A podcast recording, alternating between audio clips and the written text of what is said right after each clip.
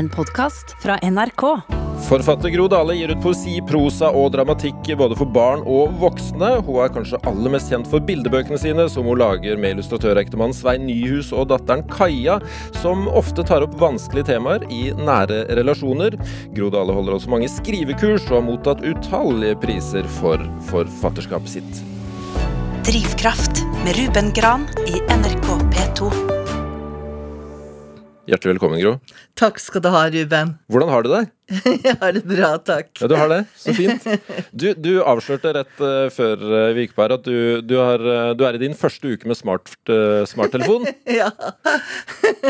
hvordan, hvordan, lever du med det enn så lenge? Jeg stotrer, kan man trygt si. Ja. og så har jeg fått hjelp av sønnen min til å få Easy Park, og så har jeg fått hjelp av sønnen min til å få Audible. Og så har jeg klart helt på egen hånd å ordne VIPS, så nå er jeg plutselig en del av eh, det nye, det nye livet, og jeg lever i framtida. Føler du deg moderne nå? ja, med dette her, ja. Hvor, hvorfor har du venta? Nei, jeg har sett hvor mye tid det tar for mannen min. Eh, så jeg holdt igjen på Facebook og smartphone og eh, de fleste sosiale medier. Bortsett fra Instagram, da, som datteren min er på. Mm. Så, så, så, du følger med i kulissene? Ja. sånn sett, ja. Men um, det hadde vært først og fremst det med tida. Mm. Jeg, jeg, eh, har såpass mye å gjøre at hvis jeg skulle la håper å si, fordype meg i YouTube, da, eller, eller, for den saks skyld Facebook, da er jeg redd for at jeg ville ja, ikke rukket det jeg skal. Mm. Men hva gjorde at du skaffa den? Nei, det var Ninni, datteren min, som hadde fått en, en brukt iPhone av meg. Som hun syntes var, mist, hun var misfornøyd med. Så vi fikk faren sin til å kjøpe en ny til henne. Så fikk jeg hennes gamle. Rett og slett. Så det var, eh, ja, det var eh, takket være velvillige krefter rundt meg.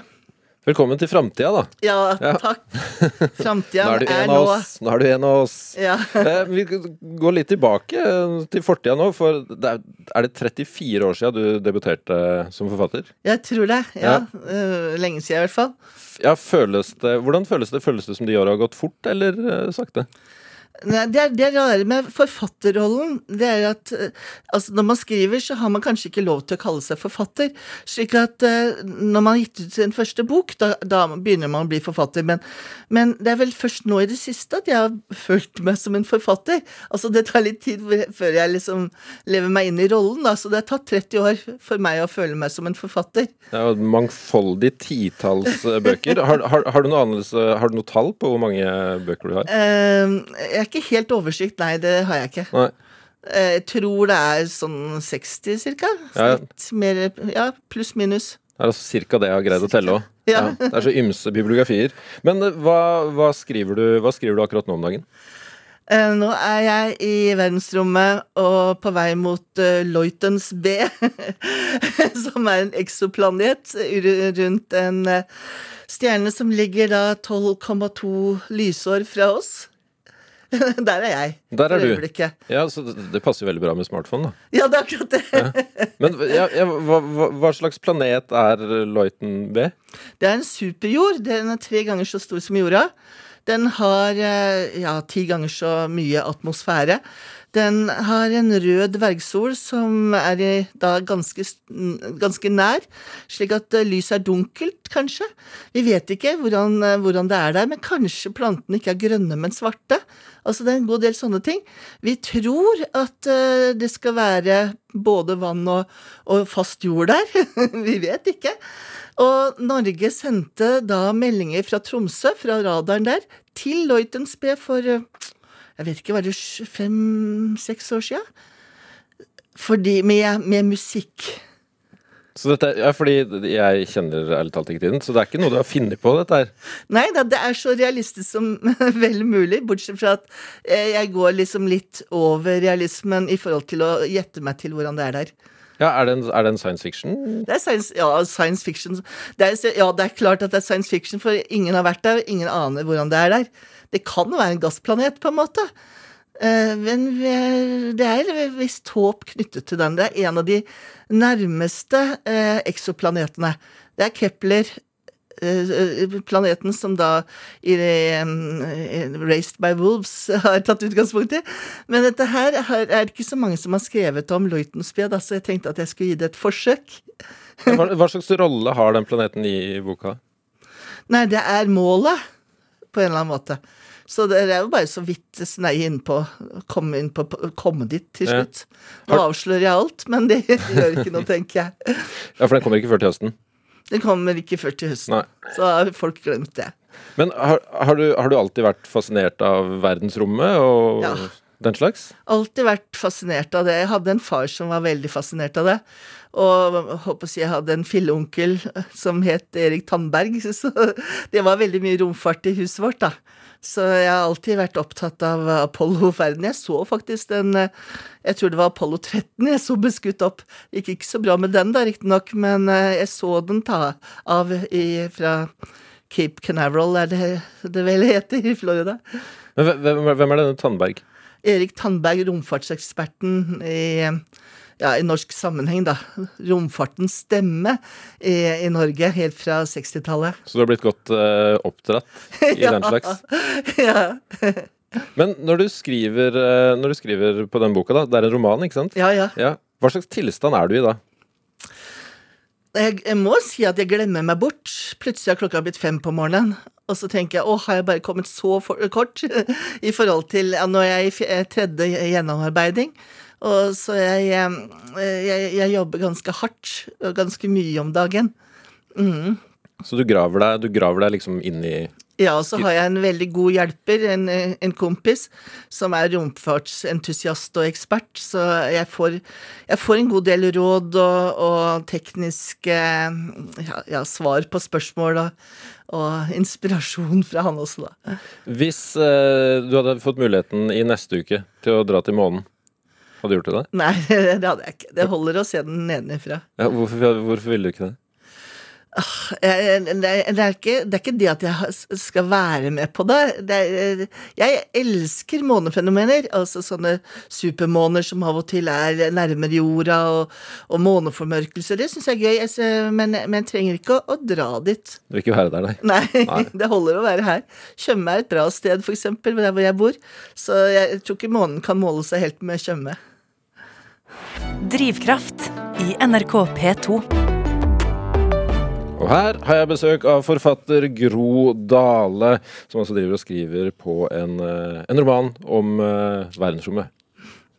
Kort, uh, kort uh, oppsummert. Jeg har skjønt at du, du har ganske forskjellige måter å jobbe på i forhold til hva du skriver. Eh, nå har vi jo snakka om romanen. Når du skriver f.eks. dikt, hvordan, eh, hvordan starter du da? Eller hvordan er en diktskrivingsprosess? Egentlig så starter jeg nesten alltid med å skrive uten å tenke. Slags friskrift. Hvor jeg prøver å holde tanken og den analytiske eh, eh, logikken unna, og bare la armen skrive mest mulig, kanskje 500 sider. Og så ut av det så plukker jeg ting. Og noen ganger så, så har jeg setninger, noen ganger er det hele eh, strukturer, hele Og noen ganger er det prosjekter. Noen ganger oppdager jeg eh, personer, karakterer, som jeg da har lyst til å bruke i en eller annen sammenheng. Og noen ganger er det da, sånn som i denne sammenhengen, så plutselig havna jeg ute i verdensrommet. Men bruker du andre si, sider av deg selv når du skriver lyrikk? Mm. Ja, ja, for at, eh, da handler det egentlig om, bare om språket. For meg. Eh, å, finne måter å si ting på. eh, måter å formulere observasjoner og, og formulere tilstedeværelse, formulere konsepter på. Eh, og kanskje også følge etter ideer, utvikle ideer. Eh, og egentlig litt sånn Ja, jeg er mye mer forsker, da. At jeg er på oppdagelsesferd inn i en eller annen jungel av språk, og så eh, ser jeg ting, og så tar jeg med meg de observasjonene ut på en eller annen måte. Så forskerrollen, at diktet for meg er en slags eh, blanding mellom lek og forskning, og hvor jeg, jeg, jeg, ikke vet hvor jeg skal, men det er noen grenser som jeg prøver å eh, overskride eller, eller finne ut av, og noen fenomener som jeg oppdager inni dette, dette poetiske landskapet som jeg har lyst til å ja, se nærmere på, da. Og av og til er det eh, Ja, for eksempel den siste diktsamlinga mi som het Gave. Da var det det med jula. Hva er egentlig jul? Før det, altså, så var det hjem, sier hunden.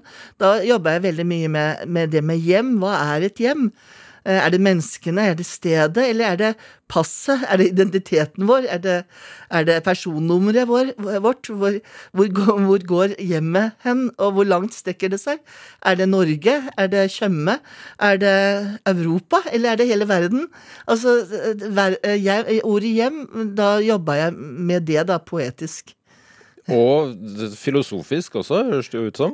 Ja, filosofisk og filosof. Jeg er ikke noen stor filosof, jeg tenker ikke nye tanker. Det handler mer om å, å, å bruke meg selv, eller bruke meg selv som utgangspunkt, uh, for å, uh, for å for å Ja, min måte å se det på, da. Eller mitt språk. Min måte å uttrykke det på. Hvor, hvor viktig er, er, det, er, det, for deg å ha lyrikk i, i livet ditt? Ja, det er, eh, det er, den måten jeg trener blikket mitt på, på en måte. Og det, det øyeblikket jeg, jeg, jeg, begynner, jeg skrur på diktkrana, så skrur jeg på en sånn uh, tilstedeværelse eller bevissthet da, om uh, tingene rundt meg, detaljene rundt meg, språket, formuleringer. Og plutselig så blir jeg ekstremt fokusert på detaljer. Eh, og, og, en periode hvor jeg ikke skriver, merker, eller, eller ikke skriver dikt, da merker jeg at jeg sløves som, eh, som registrator. Eller altså radaren min sløves. Men når jeg skriver dikt, så blir jeg veldig, eh, veldig fokusert og veldig oppmerksom. Så eh, det er ikke akkurat mindfulness, eh, for det handler ikke om en hvile. Det handler om en påkobling. Altså, det er eh, at jeg kobler meg på et språk og en eh, observasjonsradar som, som, eh, for min del er veldig intenst interessant. Du har eh, flere bøker bak deg som er bildebøker. Ja. Eh, for barn, vel i, i Alle alder. I alle aldre, ja. Eh, med, med, rimelig skal jeg si, vond tematikk. Altså det er, det er fedre som slår, porno, incest, psykisk sykdom i hjemmet. Er det riktig, eller er du enig i det, at du skriver om det vi egentlig ikke har så lyst til å prate om? Ja. ja det, jeg har lyst til å snakke med barn om dette her. For det fins barn som ikke har det bra. Altså Når vi leser eh, mye barnelitteratur, så tenker vi på at, det, at stort sett har barn det bra. Det er harmoniske liv. Litt sånn eh, Det er noen sånne folder og noen sånne skrukker og, og noen sånne snublekanter, men, men stort sett så får vi en følelse med barnelitteratur og bildebøker at, at det er fint å være barn. på et eller annet vis. Men det er mange barn eh, som lever i mørke hjørner, mørke kort, eh, kjellere og dårlige opplevelser og dårlige, dårlige barndommer. Og en del av disse barna tror jeg vi kan hjelpe. Og jeg vil gjerne skape bøker som på en eller annen måte kan si til disse barna at vi vet om dere også. Eh, og at boka kanskje kan være en venn å strekke seg ut. Og en, en, tillits, et tillitsobjekt, uh, uh, altså som barnet kan på en eller annen måte fortelle sin historie til, hvis de ikke går, kan fortelle det til venner eller til lærere eller til andre voksne, så kan de vite at boka vet. Og den følelsen av uh, kontakt og den følelsen av å bli sett, den tror jeg er veldig, veldig viktig, og spesielt for de barna som da lever i vanskelige, vanskelige hjem men også for de barna som er venner med barn som er i vanskelige hjem. For de utvikler da en mulighet til å se disse barna, kanskje altså vennen sin, kanskje kunne si ting, eller være der, eller lytte, eller vite om. Sjøl var jeg helt fullstendig eh, naiv og intetanende om at det fantes barn som hadde det vanskelig når jeg var vokst opp. Og det var en jente som fortalte til meg på et tidspunkt at faren hennes klådde på henne og prøvde å få henne i seng og en del sånt noe. Jeg visste ikke hva jeg skulle si, jeg, ikke, jeg, jeg, visste ikke hva slags fortelling dette var. Og jeg visste ikke hvordan dette var mulig, så jeg bare sa ingenting. Ikke til noen andre, og ikke til henne, og jeg var ikke der for henne. Og det har jeg tenkt på veldig mye etterpå, at hadde jeg visst om at det fantes noe sånt, så hadde jeg kunnet vært en bedre lytter og en bedre venn for henne. Og de barna som da uh, har det slik, kanskje de kan finne en støtte da i boka. Og kanskje også boka kan si, sette en dør på gløtt og si at det går an å snakke om det, og gi barn ord, eh, uttrykk, formuleringer for det som er utrygt også, altså slik at de utvider sitt ordforråd, vokabular, og også følelsesmessig vokabular, for å kunne snakke om vanskelige opplevelser. Hvor kommer det kallet fra? Ja, jeg, jeg tenker at uh, jeg er vokst opp med en mor som er spesialpedagog.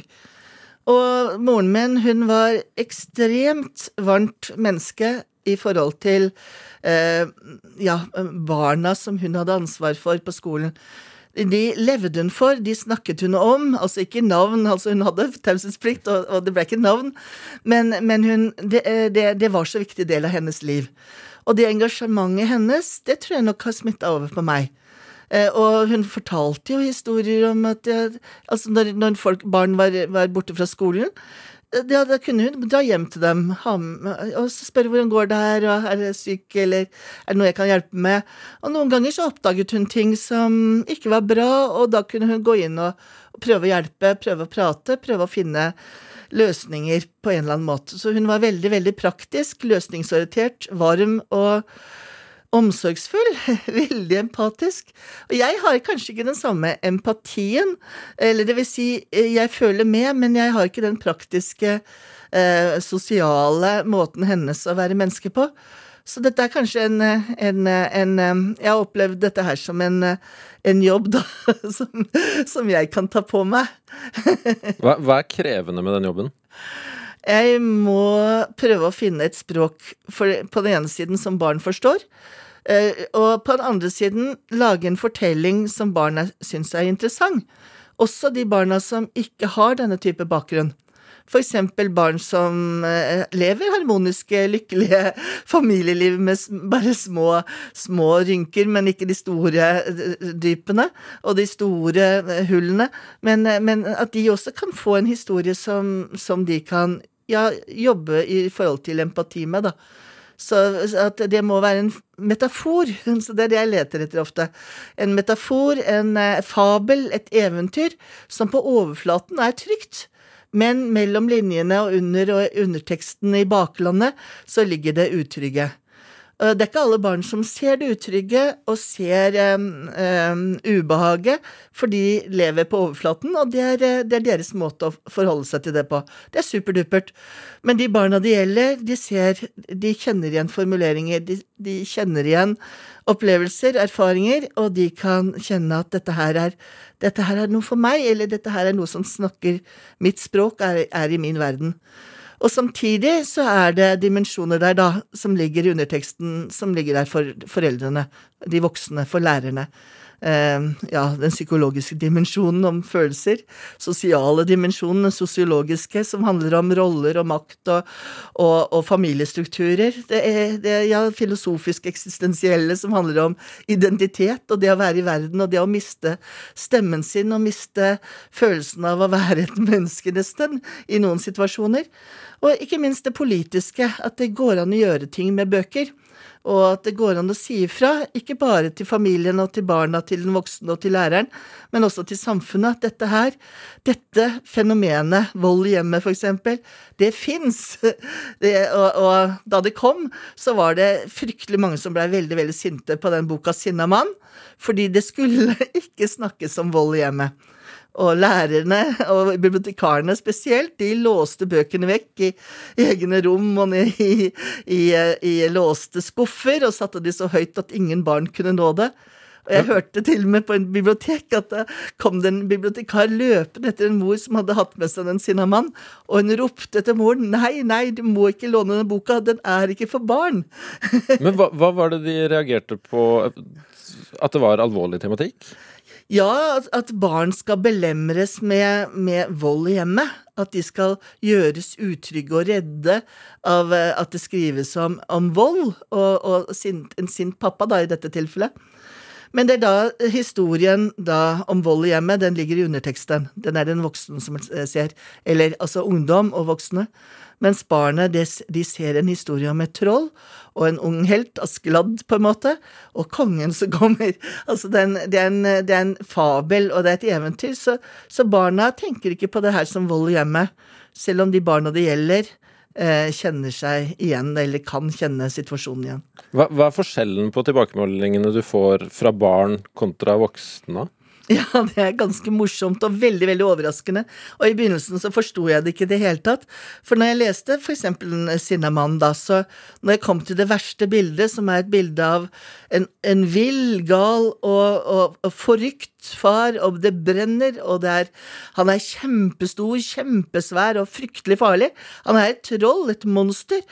Og så ler barna. og det er så overraskende. Voksne, altså lærerne, de blir urolige, og de, de liksom eh, ser på hverandre og ser på barna, men barna ler. Og jeg har ikke opplevd noen barn som har blitt redde for den boka. Mens jeg har opplevd veldig, veldig mange voksne bli redde.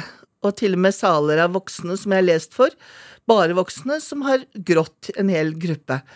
Mens barn syns det er morsomt, og så spør jeg dem etterpå Hvorfor var det morsomt? Altså, det, er, det, er, jo ikke akkurat morsomt, er det det? Jo, det var morsomt, sier de kanskje, altså, dette er barn under ti år.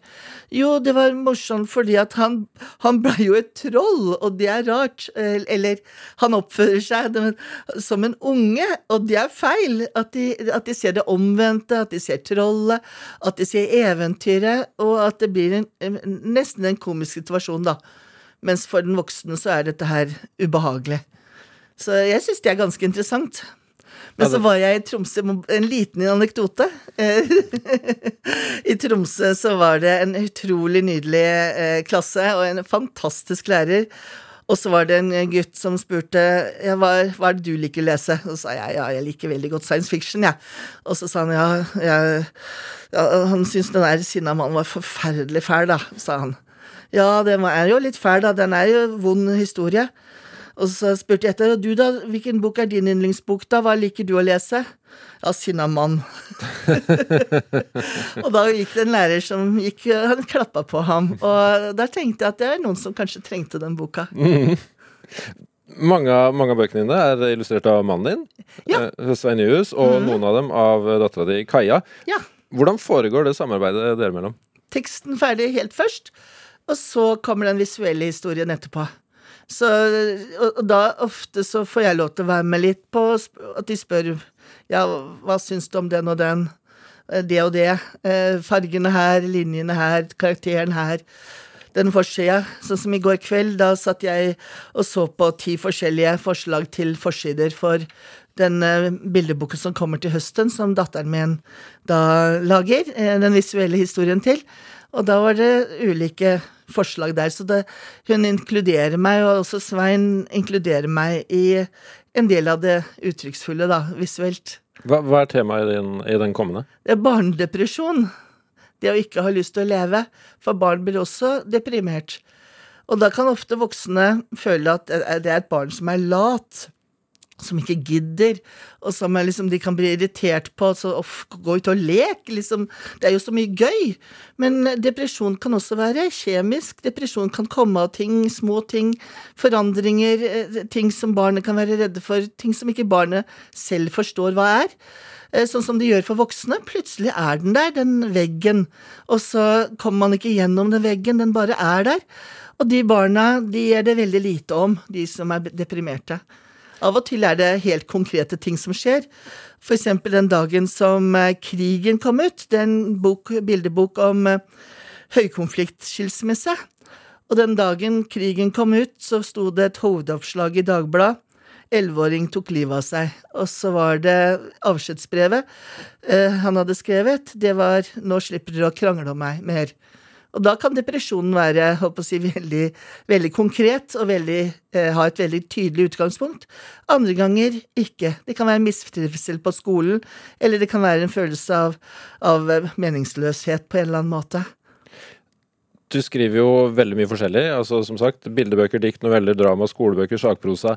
Jeg tipper at det er vanskelig å rangere, men hva, hva syns du er morsomst? Jeg syns det er eh, Ja, bildebøker føler jeg er, er, er, det viktigste jeg gjør, da, i hvert fall. Det er det eneste stedet jeg har et sånn skikkelig tydelig samfunnsengasjement, og hvor jeg, hvor jeg får faktisk gjort en del ting. Altså at jeg får, jeg får vært med på samfunnet. Eh, Så jeg, jeg ville kanskje rangert bildeboka, da. At, eh, og her har jeg også et faglig, et faglig fokus på bildeboka som medium, bildeboka som fenomen, bildeboka som kunstobjekt, bildeboka som opplevelse. Slik at, eh, at bildeboka for meg er, eh, er også en, en forskning på hva kan bildeboka være. Jeg har inntrykk av at du også er begeistra for musikk. Jo da, jeg syns jo det. Ja, Hører du mye på musikk? Ja, jeg hører mye på musikk. Vi skal høre en klassiker nå, eh, som, som du har tatt med deg her nå. Eh, Vi tar, tar oss en liten pustepause. Hva, hva er grunnen til at uh, du har tatt med deg Metallica, Gro Dale? Jo, eh, jeg, er jo Metallica-fan, kan man trygt si. Eh, og jeg, elsker eh, en, god del av disse CD-ene deres, eller, eller albumene deres, har jeg faktisk slitt ut så mange som fem Ja, for eksempel Reload har jeg slitt ut fem av. Såpass? ja da. Så jeg har hørt og hørt og hørt i bilen. Ja, men slitt ut. Er det, er det fordi du er litt sånn slumsete med å ta vare på det, eller? Ja. Begge deler. Men, men at det har vært mye i bruk. Men så var det også altså Metallica, eh, som jeg da tar med meg nå, klassikeren.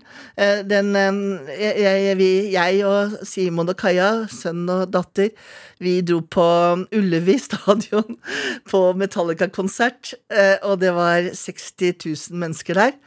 Og det var nok en av de store opplevelsene i livet mitt. Eh, virkelig overveldende.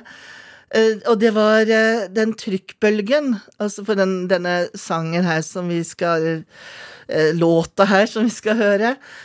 da var det et parti med slags allsang, da. Med, hvor, hvor hele, hele Ullevi, hele stadionen sang med.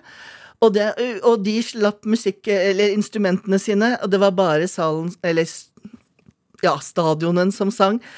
Og den trykkbølgen, den var som en sånn sterk kraft av en vind som bare kom og pressa mot eh, ansiktet og kroppen, og det var så fysisk. Første gang jeg har opplevd musikken, altså ikke bare følelsesmessig, men da som en fysisk vind, som en sånn stormbølge. det var sterkt. Og det kan eh, du også oppleve nå. Det er bare å reise opp og synge med meg og Gro Dale her i Drivkraft på P2 når du får eh, Metallicas eviggrønne Nothing Else Matters. Ja.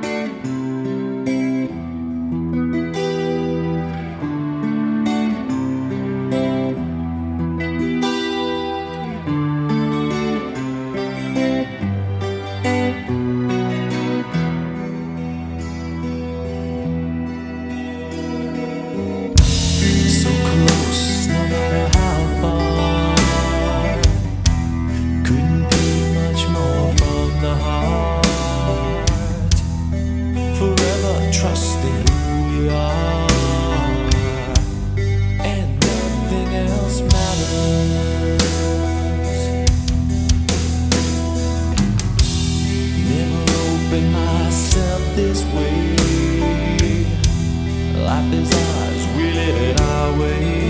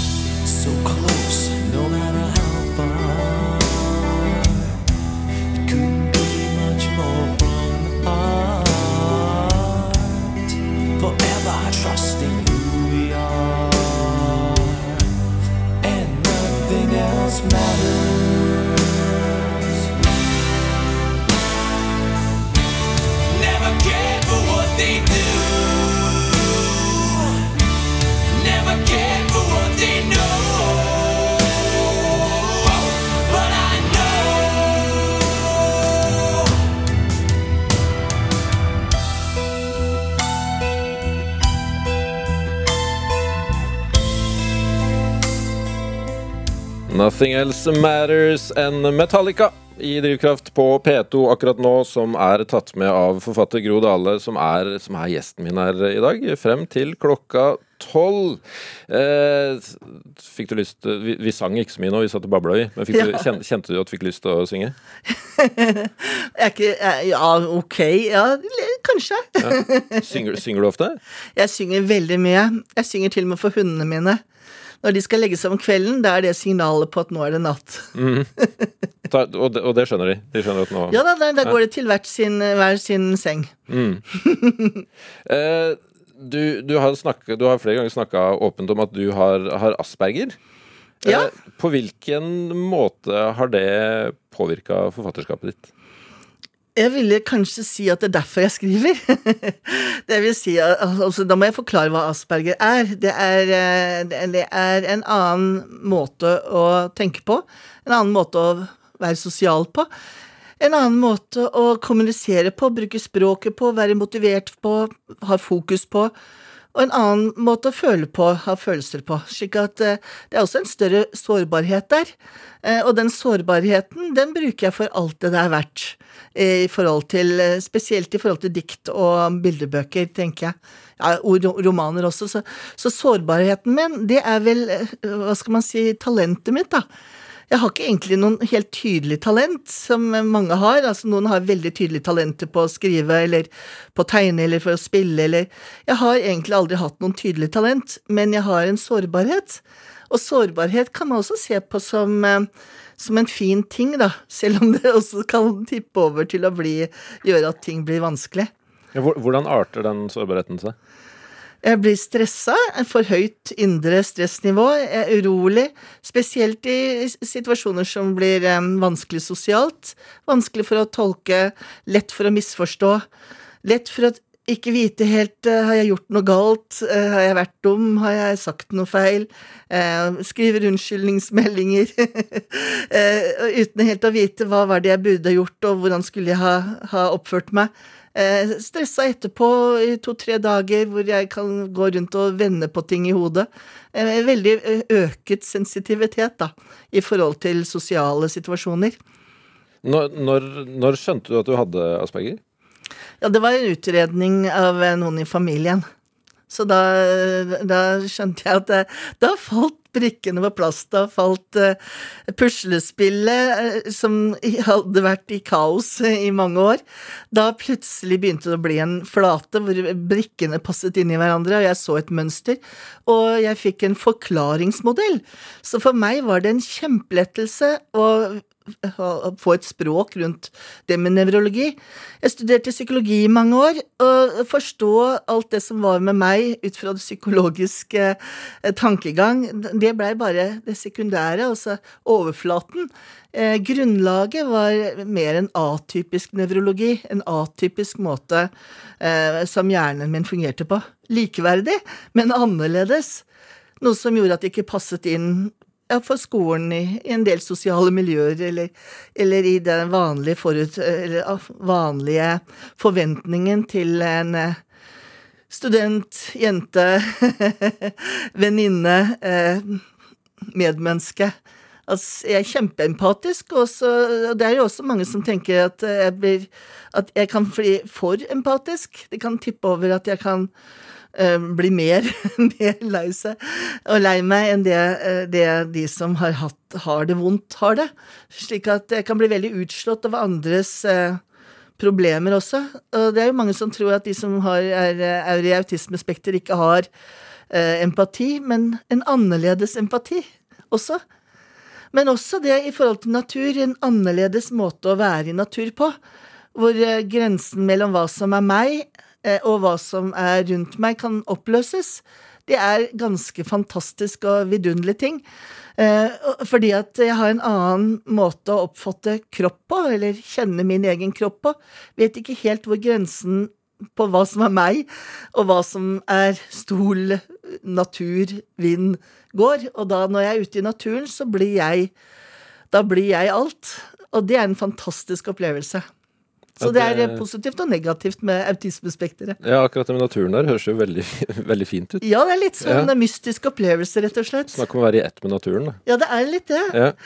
Men da du, da du var barn, hvordan, hvordan var du og hadde du det da? Nei, jeg hadde det ikke bra. Eh, altså det, jeg er så glad hver Nå er jeg jo blitt 60 år snart, eh, og jeg er så glad hver eneste dag for at jeg er ferdig med skole, for eksempel. For akkurat det med skole, det er jo det, det som veldig ofte kan slå ut folk med, i autismespekteret. Så skolen er lagd for, eller designa for, eh, pedagogisk sett, den nevrotypiske, altså den alminnelige. Eh, ingen er jo helt vanlig, men allikevel den som har en nevrotypisk hjerne, da. Som syns det er gøy med det sosiale, gøy med friminutt, gøy å være sammen med de andre, har lyst til å ha venner, har lyst til å finne på ting gøy når det er vikar, gøy når det er bursdag, gøy når det er idrettsdag og, og, og åpen skole, moro med selskap og, og fritimer. Mens det er helt omvendt med en som er i autismespekteret, ofte, da. Ikke alltid, men ofte. Da kan det være heldagsprøven som er den bra, den beste måten å være på skolen på. Men jeg, jeg skjønte som at skriving var, var veldig viktig for deg allerede som ganske ung. Ja, jeg jeg hadde, syntes det var vanskelig å snakke. Eh, og det går vel også på det med autismespekter. Det er veldig mange som er enten-eller. Enten ekstremt muntlige og ikke, så, ikke, ikke har lyst til å forholde seg til det skriftlige. Jeg var det omvendt. Jeg var veldig eh, Jeg var flink til å skrive. Og flink til å lese, men jeg var veldig eh, klønete til å uttrykke meg muntlig. Så, og klønete i sosiale situasjoner. Så, så det for meg å være skoleelev, da fikk jeg ikke vist hvem jeg var. Eh, Jeg var, ja, jeg holdt på å si klønete, klumsete. Kanskje, jeg tror jeg, jeg vet ikke åssen andre så på meg på, men, men jeg tror kanskje at jeg ble sett på som litt sånn ja, halvdum. og så var jeg ikke det. Eh, Og jeg kjente det inni meg at jeg er ikke sånn. Det er ikke meg. Det er ikke jeg som snakker med den munnen, og det er ikke mine ord som kommer ut. Det er, det er noe annet som foregår inni meg. Så det øyeblikket jeg begynte å skrive, da, fall, da fant jeg et, et uttrykk, da. Eh, I begynnelsen handlet det bare om å skrive for å overleve. Altså skrive oppgaver på skolen, skrive stiler, skrive tekster i forskjellige sammenhenger. Og etter hvert så var det den måten jeg skulle jobbe på også, da. At jeg fant en jobb gjennom det å skrive. Hadde, hadde du venner? Jeg hadde eh, venner eh, å si, hva skal man si? Jeg var, eh, det var folk jeg traff. Eh, og det var eh, folk i klassen som, som kom til meg, men eh, i ettertid er jeg ikke sikker på om jeg opplevde dem som venner, da. Eh, du flytta en del eh, som barn. Mm, Cirka hvert annet år. Hvor, eh, det var såpass, ja. Hvor, hvor likte du deg best? Uh, ja, jeg likte meg veldig godt på Aruba. Det var en sånn liten øy utenfor Venezuela i Karibiske hav. Der var det 26 grader i vannet hver dag. Været var likt. Jeg savna det norske klima, eller det norske ikke klima kanskje, men norske årstider. For det var, hver eneste dag var akkurat den samme. Disig, blå himmel, tørt, varm asfalt og varmt hav. Men jeg elsket det stedet. Kunne du tenkt deg å bodd sånn nå? Uh, ja, hvis jeg hadde flytta hele familien min, pluss uh, familiens uh, venner, så de ikke gikk på veggen der, da kunne jeg godt tenkt meg å bo der, ja. Men var det mest internasjonalt, holdt jeg på å si, at dere flytta, eller? Ja, det var, ja, det, det var ja, jeg var oppvokst delvis i USA også. Så at, um, det var liksom olje og faren min og sånn. Mm. Hva, hva har du tatt med deg fra alle disse stedene videre i livet? Eh, Det var veldig formende år jeg var på Aruba, og det var veldig formende år jeg øh, vokste opp i Amerika. Slik at jul er ikke jul hvis det ikke er uh, all, oh come all you're faithful og uh, Joy to the world og, og disse amerikanske julesangene. Det er ikke jul før det lukter uh, turkey. jeg har med meg veldig mye engelskspråk. Uh, også slik at uh, veldig mye av det jeg leser, er, er engelsk. Veldig mye av, av litteratur jeg forholder meg til, er amerikansk.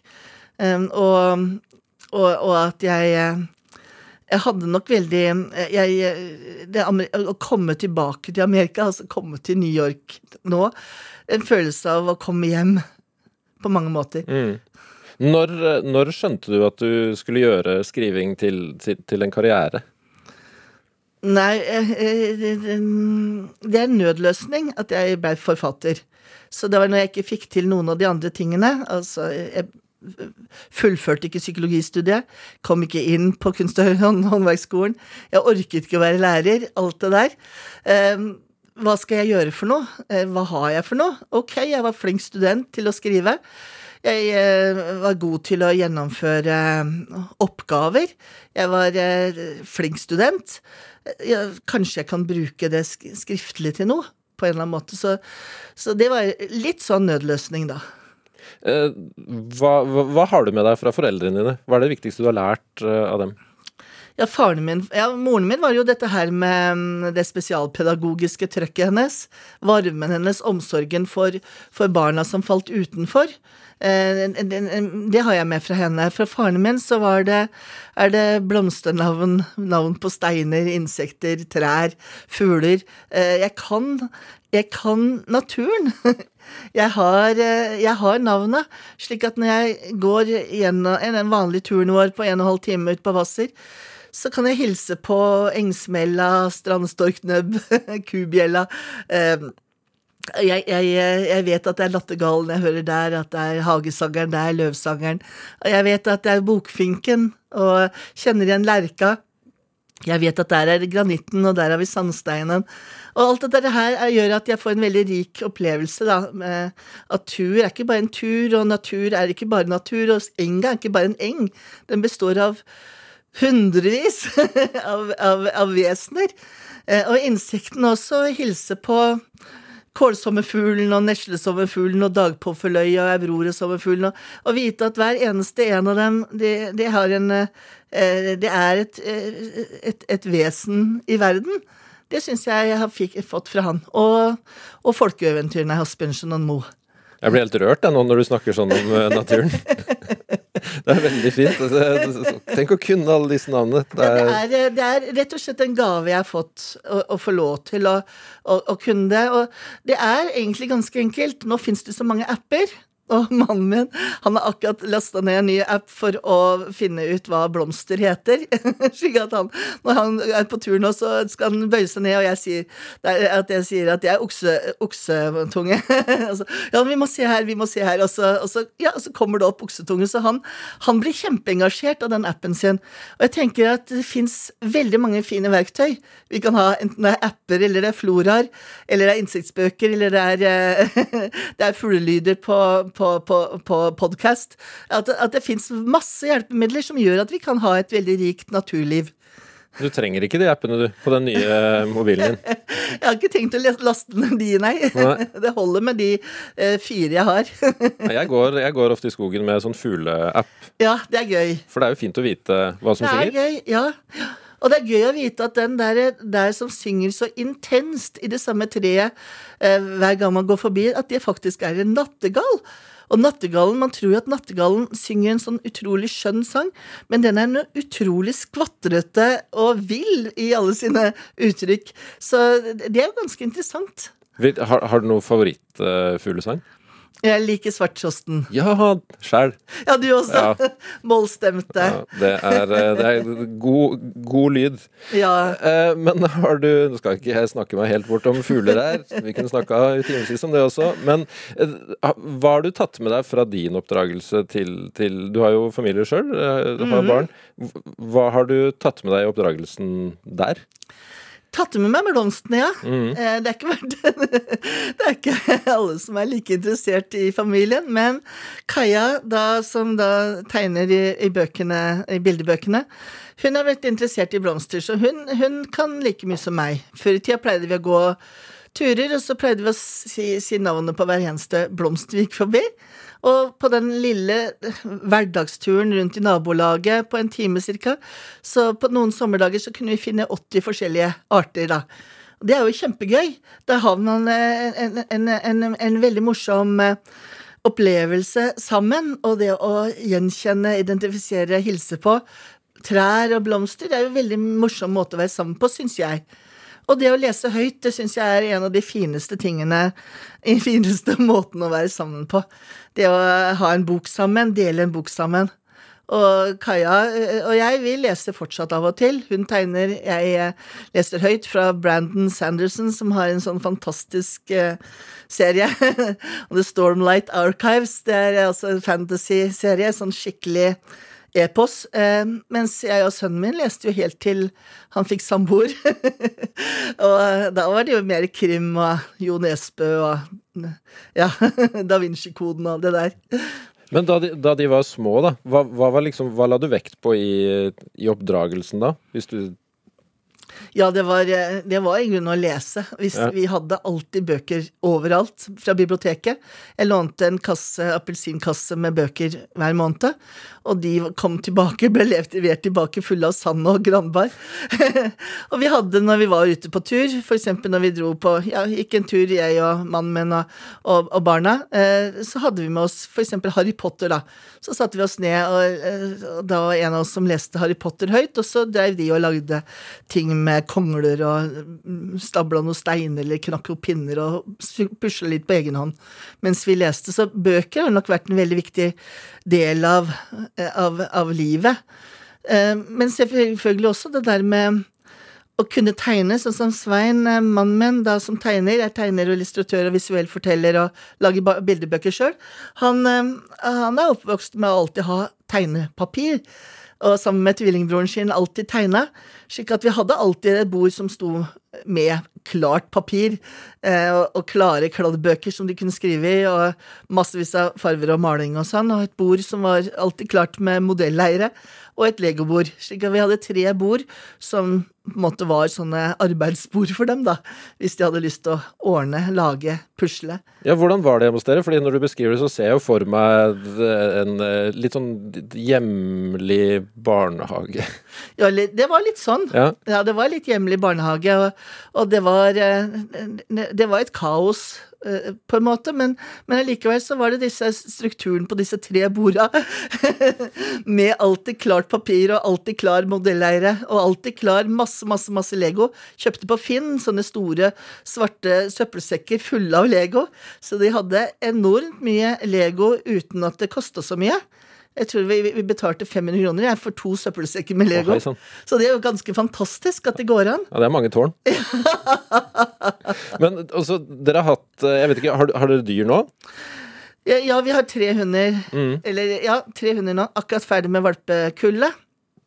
Og så har vi hatt alt, alt mulig. Ja, hva, Kan du gi noen eksempler? Ja, en svart minigris som het Nuffy. Eh, hadde eh, hatt eh, massevis av mus som har forsvunnet inn i veggen. Hamstere, marsvin, eh, eh, due, papegøye. Eh, eh, fisk og akvarium, eh, skilpadder. Høner har vi hatt masse av. Kaniner, selvfølgelig. På et tidspunkt har vi 30, 30 stykker. 30 kaniner? De løp litt overalt. Så det har vært et kaos og dyr og legoklosser, ja. Hvordan, den, den grisen, hvordan passa den inn i familien? Egentlig fordi at vi er så veldig allergiske. Og derfor har vi liksom prøvd ut dyr da, for å finne ut hvem er det vi passer med. Og noe har ikke funka allergimessig, og noe har funka allergimessig. Grisen funka allergimessig, men den var ikke spesielt sosial. Jeg vil egentlig ikke anbefale gris. den, er- den er mye mer opptatt av mat enn av, av oss eh, mennesker. Den, eh, den, eh, altså når vi gikk på tur med den, så stoppet den under et eiketre, og der ble den stående kanskje en time, for den ville ikke videre, den var for tung til å bæres. Og hjemme så mistok den eh, potetbiter med tær, så vi måtte alltid ha sko på inne, så de ikke skulle bli bitt i tærne. Og den eh, klarte å åpne fryseren med nesa si, hadde en veldig intelligent og veldig fingerferdig nese, så den klarte å få opp fryserøra og finne sjokoladeisen som den likte, og spre det utover gulvet overalt hvis vi ikke var hjemme. Men den var også nyttig. Eh, Jeg, jeg hadde mye glede av Nuffy, jeg, eh, for jeg er litt mørkredd. Og jeg, eh, av og til så blir jeg plassert på en eller annen eh, campinghytte hvis jeg er på jobb et eller annet sted. Og så ble jeg plassert på en campinghytte oppe i Bø, på Bø camping i november. Ikke et eneste, annet menneske der på denne campingplassen. Langt oppe i skauen, helt mørkt. Og da hadde jeg tenkt at nå må jeg ha med meg grisen, så jeg ikke blir redd. Så den sov i underkøya, og jeg sov i overkøya. Og så dro jeg på det forfatterstudiet, da hadde jeg jobb. og så og så kommer jeg tilbake, og så hadde søren tute hele grisen klart å bryte opp gulvet. så jeg kom tilbake etter endt jobb. Da lå det planker i alle retninger, og det var rett ned på uh, den mørke uh, jorda. Så da måtte jeg jo liksom tenkte å dæsken, her, her blir det vanskelig, og dette kan bli dyrt. Så jeg måtte prøve å få plassert alle disse her eh, plankene eh, mest mulig som det skulle være, eh, og skjule de verste diskrepansene med teppet. teppe. Hva, hva var det grisen var ute etter under der, da? Det lukta vel godt av jord. Kanskje det var mark, kanskje det var mat, kanskje det var noe den kunne finne. Trøfler. Hvor uh, er Nuffy hos dere med, med dere fortsatt? Nei da, det, det her var når Ninni var liten. Det er vel siden 1993 og i ja, seks år, da. Vi ga den bort til Langedrag. Da ble den et matvrak der oppe. Ja.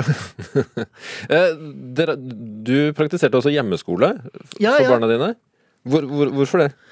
Nei, det var en pedagogisk periode hvor det skulle være fleksibel undervisning. Og det var fantastisk for noen. Eh, Det var jo fantastisk å ikke behøve ha sitt eget plass, sin egen pult, sitt eget klasserom, sin egen gruppe. Det var eh, ja, 20 forskjellige, eller ja, det var kanskje ikke så mange, 16 forskjellige sosiale strukturer og organiseringer i løpet av en uke. Eh, Og for mange var dette her kjempestimulerende. Læreren skulle bare være veileder, det var liksom ikke noe struktur. Og det tålte ikke mm, ja, noen av barna hos oss, da. Den ene elsket det, men ble syk, eh, fikk feber i 40 hver dag sånn cirka ved 10-halv 11-tida. Så da tenkte vi at eh, en periode så hadde vi ja, hadde alle barna, var jo alle, hadde alle barna hjemmeskole. Andre trivdes ikke noe godt med det og jobba bedre hjemme. Så vi har hatt hjemmeskole i perioder, ja. Men Hva slags forhold har du til, til skolesystemet? Ja, da gleda jeg meg veldig til at barna skulle bli ferdig med skolen, det må jeg innrømme. Men vi hadde det kjempefint med hjemmeskolen, og det vil jeg oppfordre dere som sitter og hører på nå, at hvis dere syns det er veldig trått og tungt og vanskelig med skole, og barna ikke trives, og barna har det vondt med det, enten det handler om mobbing eller mistrivsel eller, eller, eller, eller stress eller, andre ting, så eh, hjemmeskole er faktisk et alternativ som kan fungere bra progresjonen på skolen er veldig veldig langsom. slik at hvis man da ikke kanskje får med seg alt som skjer i løpet av en uke, eller i løpet av en måned eller i løpet av et år, så blir det ikke så store hull. Matematikken er det eneste man må passe litt på, da. De fleste har vel fått testa det det siste året, De har det. skulle jeg tro. Og for mange har det vært bra. Det vil si, det har vært vanskelig å komme tilbake igjen. Eh, At de har hatt det veldig veldig fint med hjemmeskole og trivdes med det, men eh, hatt en, en, en vanskelig overgang til, til full skole igjen, eller til, tilbake til skoleskole igjen. Hvordan, hvordan har du hatt det med, med pandemien? Jeg har hatt det supert. Ja. Selvfølgelig har jeg stor medfølelse for de som, eh, ikke minst studentene, de som da skal bli unge voksne, finne nye venner, få kjærester, bo for seg sjøl, ha det gøy som student. De føler jeg veldig, veldig for. eh. Eh, Jeg vet jo om en del i den gruppa der som jeg, som jeg har det Som jeg virkelig kjenner enormt åh, oh, sorg for. Eh, den tøffe situasjonen de har. Kanskje sitter inne på en, en hybel og ikke treffe folka. Ikke ha undervisning, ikke ha, ha, ha pauser, lunsjpauser, kaffepauser, pratepauser innimellom. Men for meg så har det vært eh, fantastisk. Ja, den 13. eller 12. mars, da, da mista jeg jobben for sånn ca. 200 000. Og da ble jeg kjempestressa og tenkte hvordan i all verden skal jeg overleve? Men noen av disse løpene de ble overført digitalt til Zoom. Og da måtte jeg, dinosauren, de måtte lære meg Zoom, og i begynnelsen var det skremmende. Men det har blitt så gøy. Slik at eh, nå, nå gjør jeg eh, mye, mye Zoom, og jeg vil heller gjøre Zoom enn å ha, ha, ha skrivekurs i rommet. Jeg får mye bedre konsentrasjon og fokus, og jeg syns vi kommer enda tettere på tekstene. Så jeg syns det med Zoom og digitale skrivekurs har vært en, en, en oppdagelse for min del som har vært banebrytende, kan jeg si. Hva er, hva er drivkraften din? Der kom det. Eh, Jeg har altså en veldig sterk motor, så, så drivkraften min det er egentlig at bare motoren går. Eh, Jeg liker at motoren går, og jeg liker å være i gang. Og jeg har eh, prosjekter i kø, slik at eh, prosjektene, deadlines, eh, frister er motoren min. Er eh, drivkraften min. Jeg skal bli ferdig med den romanen til eh, eller tredje utkastet skal jeg bli ferdig med til 10. juni. og det er drivkraften. Da jobber jeg til klokka fem om morgenen og står opp klokka ni og jobber videre. Så, så, drivkraften min er jo egentlig å ha struktur da, på, på prosjekter. Eh, altså sånn helt fysisk og helt konkret. Men eh, eh, drivkraft i overført betydning, selvfølgelig den sammenhengen, så er det jo eksempel med bildebok. Det er jo å, å, å, snakke om disse tingene med barn. Ingen som helst drivkraft for å få dette her til å selge. Trenger ikke være kommersielt. Jeg trenger ikke å få penger på det, men bare det å kunne snakke med barn om det at de bøkene fins, for de barna som trenger det, det er også en drivkraft. Og når det gjelder dikt, så er drivkraften å være i språket. Å kunne oppleve gjennom språket, og, og stå i det, og undersøke og forske. Gro Dale, tusen takk for praten. Tusen takk sjøl, Ruben. Takk for at jeg fikk få lov til å komme hit. Du kan høre flere samtaler du i NRK-appen, eller der du laster ned podkast, og så kan du sende oss eh, elektronisk post til drivkraftkrøllall fra nrk.no. Gi oss noe ris eller ros eller tips. Eh, Produsent i dag har vært Kjartan Aarsand, research er det Ellen Foss Sørensen som har stått for. Jeg har vært eh, Ruben Gran. Ha det godt. Du har hørt en podkast fra NRK. Hør flere podkaster og din NRK-kanal i appen NRK Radio.